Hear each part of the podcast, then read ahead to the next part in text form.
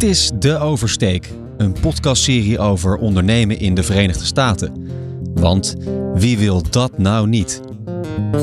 In een serie van zeven podcasts verken ik Amerika vanuit zakelijk perspectief. En dat doe ik in New York, het financiële hart van de wereld. Ik praat er met Nederlandse bedrijven die de oversteek hebben gewaagd. En met experts die alles weten over sales, creditcards, hoe het is om de baas te zijn, culturele verschillen, belastingen, you name it. In deze aflevering onderzoek ik hoe het is om in Amerika de baas te zijn.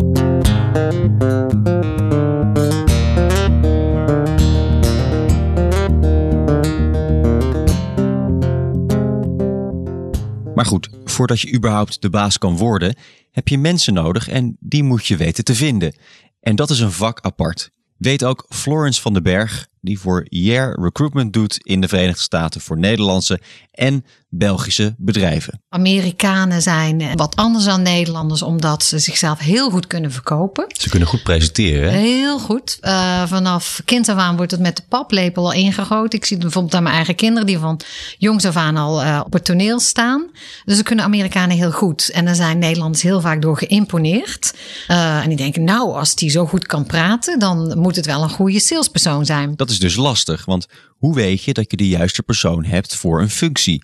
Florence kijkt naar een aantal dingen. Persoonlijkheid is het. Uh, waar, waar, zijn ze naar op zoek? Zijn ze echt naar een road warrior op zoek die alleen maar op de weg zit? Een echte salespersoon? Uh, ja, dan probeer je zo iemand te zoeken. Maar heb je een iets hoger, uh, hogere positie, zoals een managing director of een president, dan moet zo iemand wel wat serieuzer zijn. Die moet wel wat meer managementervaring hebben. Die moet ook goed, liefst ooit voor een Europees uh, bedrijf gewerkt hebben, moet de Europese slash Nederlandse mentaliteit uh, toch wel waarderen en kunnen handelen. Nou, dan heb je een aantal mensen gevonden die acht je misschien geschikt voor de baan. Maar waar zitten zij vervolgens op te wachten? Wat vinden die Amerikanen belangrijk aan een baan? Money talks. Het gaat allemaal om geld, uiteraard. Maar het gaat ook om job security. Als een Nederlands bedrijf naar Amerika komt, niemand kent dat bedrijf.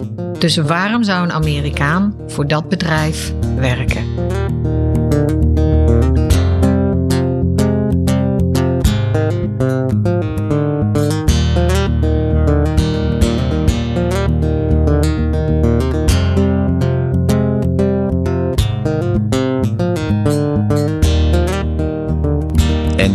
Qua secundaire arbeidsvoorwaarden? Wat vinden ze belangrijk?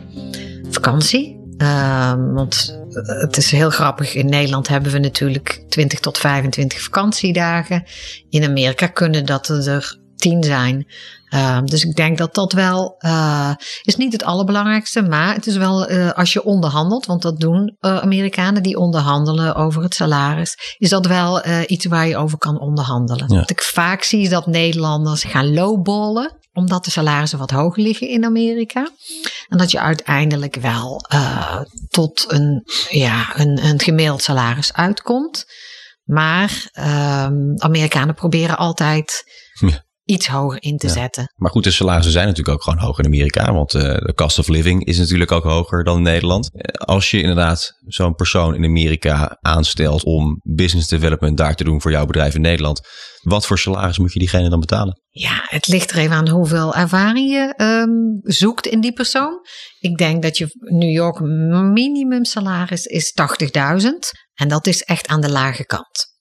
Maar ga je bijvoorbeeld in een Michigan zitten, daar is het 40% goedkoper. Je kunt natuurlijk zo'n gladde, maar ook dure Amerikaanse salesman inschakelen. Maar je kunt natuurlijk ook zelf gaan en zelf vanuit Amerika je business uitbreiden en een team aansturen. En ja, dan ben je opeens de baas. I have work to do. I have hundreds of clients to deal with. And just so we're clear, I don't care about any of them. They're all just a number. Like wife number one and therapist number seven. Good day. De baas is de baas en daar bestaat geen enkele twijfel over. Maar gaat het echt zo ver als we zien in de series op Netflix? Moet je echt zo'n kort lontje hebben als Ari Gold uit Entourage? Of moet je echt zo banaal zijn als Michael Scott uit The Office? I will no longer ever do any of those things. Does that include that's what she said? Yes. Wow, that is really hard. You really think you can go all day long? Well, you always left me satisfied and smiling, so. That's what she said. Natuurlijk zijn dit uitvergrotingen en is het fictie. Maar dat de baas een andere rol vervult in Amerika is wel duidelijk. Rob Jacob zit voor het bedrijf Pictorai in de Verenigde Staten. In een grote loods in New Jersey digitaliseert hij met zijn team de collecties van het Smithsonian Museum in Washington. En ze leggen werkelijk waar alles onder de scanner, van foto's tot aan de bladeren van de boom. Ik denk het belangrijkste verschil is dat, uh, dat we hier heel erg gewend zijn aan, aan hiërarchie. Mensen zijn vooral de rol die ze hebben, die opgegeven staan, is de rol die ze uitvoeren. En uh, niemand heeft echt de behoefte om buiten die rol te gaan, want ook, uh, die manager heeft weer een manager. En ik merk heel sterk, vooral ook in de salesgesprekken en ook maar ook naar, naar personeel toe, dat mensen daar daar, zo zijn ze opgevoed. Zo zijn ze, zou bijna zeggen, uh, gebrainwashed. Van uh, je doet gewoon wat je opgedragen wordt. En je treedt er niet buiten. Dus creativiteit van een manager om iets anders te doen dan wat in zijn functieprofiel staat. Ja, is ongelooflijk lastig. En daar moeten we als Nederlanders ongelooflijk aan wennen. Wij zijn natuurlijk heel erg gewend om te denken: oh, ja, maar dat is echt onhandig, dat kan ik ook. Uh, weet je, dat moet je zo doen, is veel beter. Dat pak het zo aan. Dat zal een manager hier nooit zeggen. Die zal denken van ja, dat is mijn rol. Ik doe dit zoals als jij zegt dat het zo moet. We proberen ze wel te sturen door te zeggen van wees maar creatief. Je mag ook fouten maken. Ga het maar eens anders proberen. En kom maar eens uit je schulp. En ook, ook letterlijk dat soort dingen tegen ze te zeggen. Kom maar uit je schulp. Laat maar zien wat je ook kan. En dat vinden ze lastig. En dat kost tijd. En dat heeft vooral te maken met vertrouwen. Vind ik, voel ik me senang in mijn, in mijn job? Voel ik me senang bij de baas die hier rondloopt? Ja, klinkt wel een beetje lastig met die Amerikanen. Dan kun je misschien beter Nederlanders naar Amerika halen. Weet je, dan is het ook denk ik niet zo slim om te denken, weet je, we gaan alleen maar Nederlanders hier naartoe halen en gaan we dan lekker Nederlandje spelen in Amerika. Wees dan ook zo stoer om te zeggen, we gaan ons ook onze uh, voeten nat maken en gewoon met Amerikanen aan de slag. En dat is, uh, dat is ook best wel wennen. Wij Nederlanders zijn natuurlijk wel gewend om, nou kan je een simpel voorbeeld geven. Uh, als je de vuilnisbak moet leeghalen als uh, managementlid, weet je, dan denk je, nou, weet je, even, moet ik even opruimen. Het is een beetje een zootje. Het staat niet in mijn functieprofiel. Maar als je de Amerikaan vraagt die als scanoperator zegt, ja, weet je, dat wil die niet, omdat het niet in zijn profiel staat. En als, dat, als hij iets doet wat niet in zijn profiel staat en hij maakt daarmee een misser, wordt hij daarop aangesproken en kan hij eruit gegooid worden. Uh, dus hij zal zich heel erg uh, bezighouden met wat zijn opdracht is. En niet buiten die lijntjes lopen. Want dit is, dit is mijn opdracht, dus dat wordt van mij verwacht. Dus dat ga ik doen. Dus verwacht je als manager dat uh, je werknemers zich ook bij hun taak houden en niks extra's leveren? Nou ja, daar zijn we vooral hier heel erg mee bezig geweest om die cultuur, invloed van ons, om die mee te, om die mee te geven. Omdat, ja, ik zou bijna zeggen, in, in te stampen klinkt onaardig, maar in ieder geval te laten zien dat het ook anders kan. Ze zijn heel erg verbaasd als er een collectie naar binnen komt, dat ik ook mijn uh, mouwen uitsteek om de, die collectie naar binnen te sjouwen. Dat is echt. Ja. Dat doet de manager niet. Dat, uh, daar heb je staff voor. En uh, wij vinden van ja, we zijn echt een scale-up. We zijn hier nu met, met acht man. Uh, we moeten het met elkaar doen. Dus uh, dat betekent dat ook jij dingen moet doen die ja, misschien niet per se staan als, als scan operator. En dat is wennen. En dat vinden ze zelf ook heel erg lastig. En we proberen ook wel vooral door, ja, weet je, we gaan een keer met elkaar naar de biertuin. Gaan we een biertje drinken en een hamburger eten. En om ook te laten zien dat je het met elkaar doet. En niet heel formeel met elkaar blijft omgaan. En dat is wennen.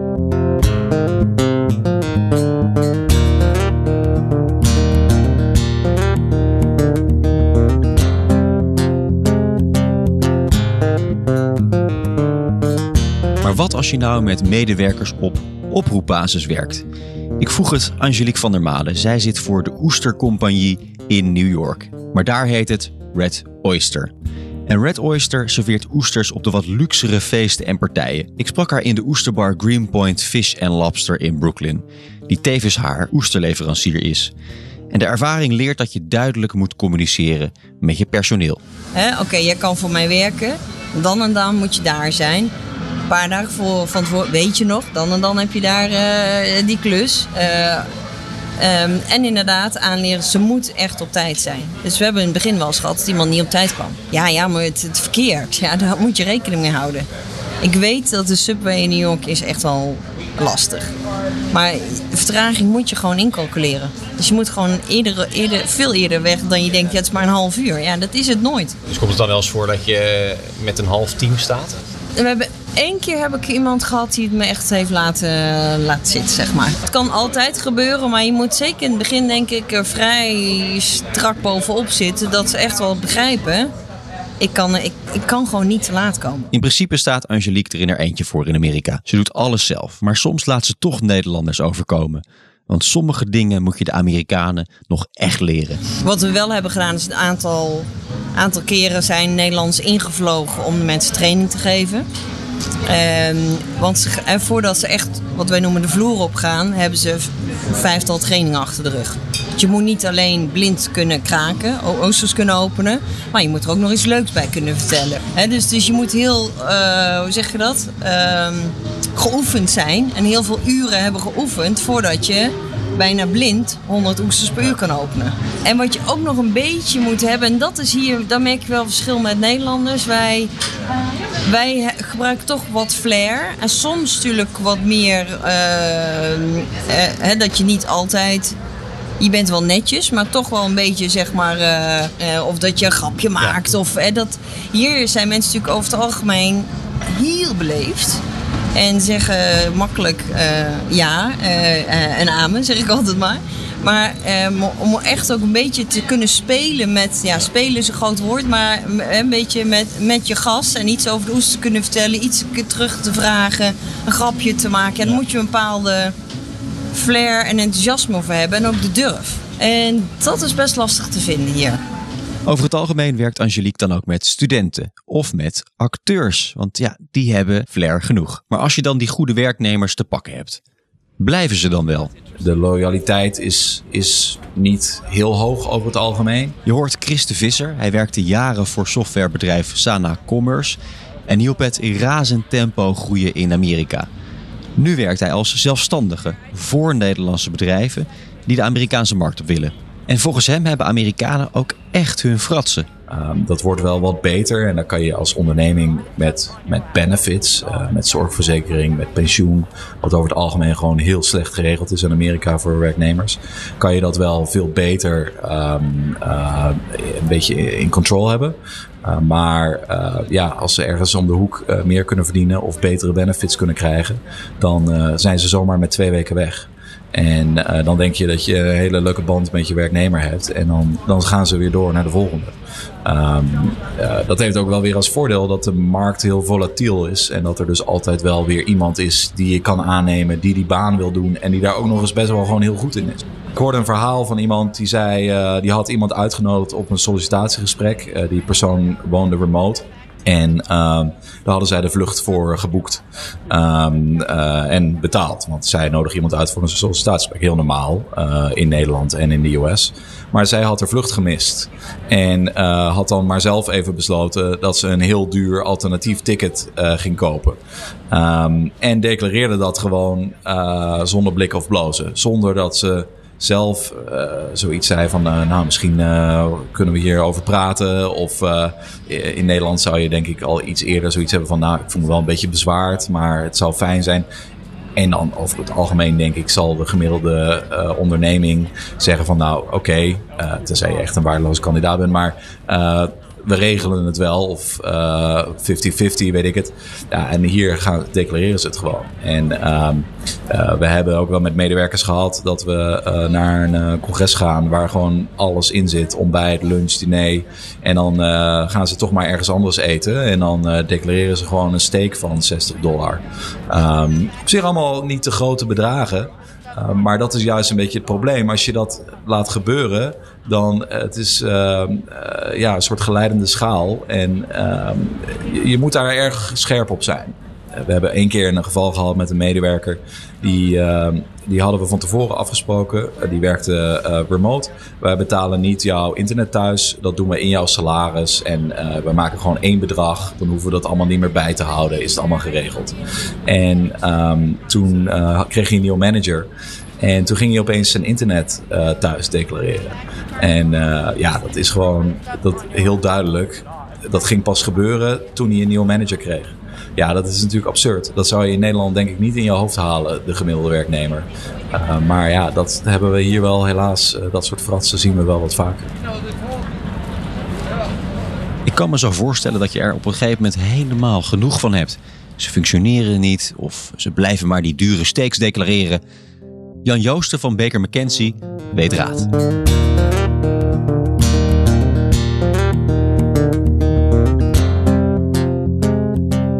Nou, de meeste Amerikanen die hebben helemaal geen arbeidsovereenkomst. Die zijn in dienst als employee at will. Nou, en dat is eigenlijk een soort onbeperkte proeftijd als je het in Nederlandse termen wil, uh, wil uitleggen. En dat betekent dat de werknemer op ieder moment ontslag kan nemen, maar dat de werkgever hem ook op ieder moment kan ontslaan. De valkuil is echter dat je werknemers niet mag ontslaan voor een discriminatorische reden. Nou, een discriminatorische reden is bijvoorbeeld uh, als je iemand ontslaat omdat uh, ze zwanger is, of omdat ze man of vrouw is, uh, of omdat uh, de nationaliteit van die persoon je niet aanstaat of de nationale afkomst. Om die redenen mag je iemand niet discrimineren bij ontslag. En nou zullen de meeste luisteraars dat ook niet van plan zijn, maar dat betekent niet dat je daar niet van beschuldigd kan worden. En daar zit de crux dat in Amerika, als je een werknemer ontslaat, dan is die werknemer vaak in paniek. Want die leeft van paycheck to paycheck. En het sociaal vangnet is hier heel beperkt. Dus dat betekent uh, dat zo'n zo werknemer dan misschien wel wild om zich heen gaat slaan. En dan misschien, voor degenen die wel eens in de metro hebben gezeten in New York, daar hangen de advertenties.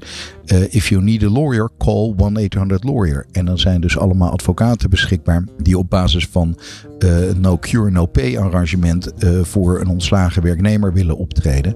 Nou, en dat is iets waar je als werkgever op voorbereid moet zijn. Uh, je moet erop voorbereid zijn dat als jij iemand ontslaat, dat hij dan een claim tegen jou instelt. Nou, daar kan je van tevoren goed op voorbereid zijn door, uh, door goede richtlijnen bij je bedrijf te hebben en die ook aan je werknemers mee te delen. Bijvoorbeeld dat je niet discrimineert en dat als mensen vinden dat ze gediscrimineerd worden, dat ze dat onmiddellijk bij een vertrouwenspersoon moeten melden. Dat lijkt van tevoren een boel papierwerk, maar je kan daar erg veel profijt van hebben als er ooit zo'n claim tegen je wordt ingesteld. Want op dat moment kan je tegen die werknemer zeggen: Wacht even, jij zegt dat je al jaren wordt gediscrimineerd, maar heb je dat dan gemeld? En als het antwoord op die vraag nee is, dan heeft zo'n persoon bij de rechter veel minder goede zaak. Dit was de tweede aflevering van De Oversteek. Wil je niks missen? Abonneer je dan via Spotify of iTunes.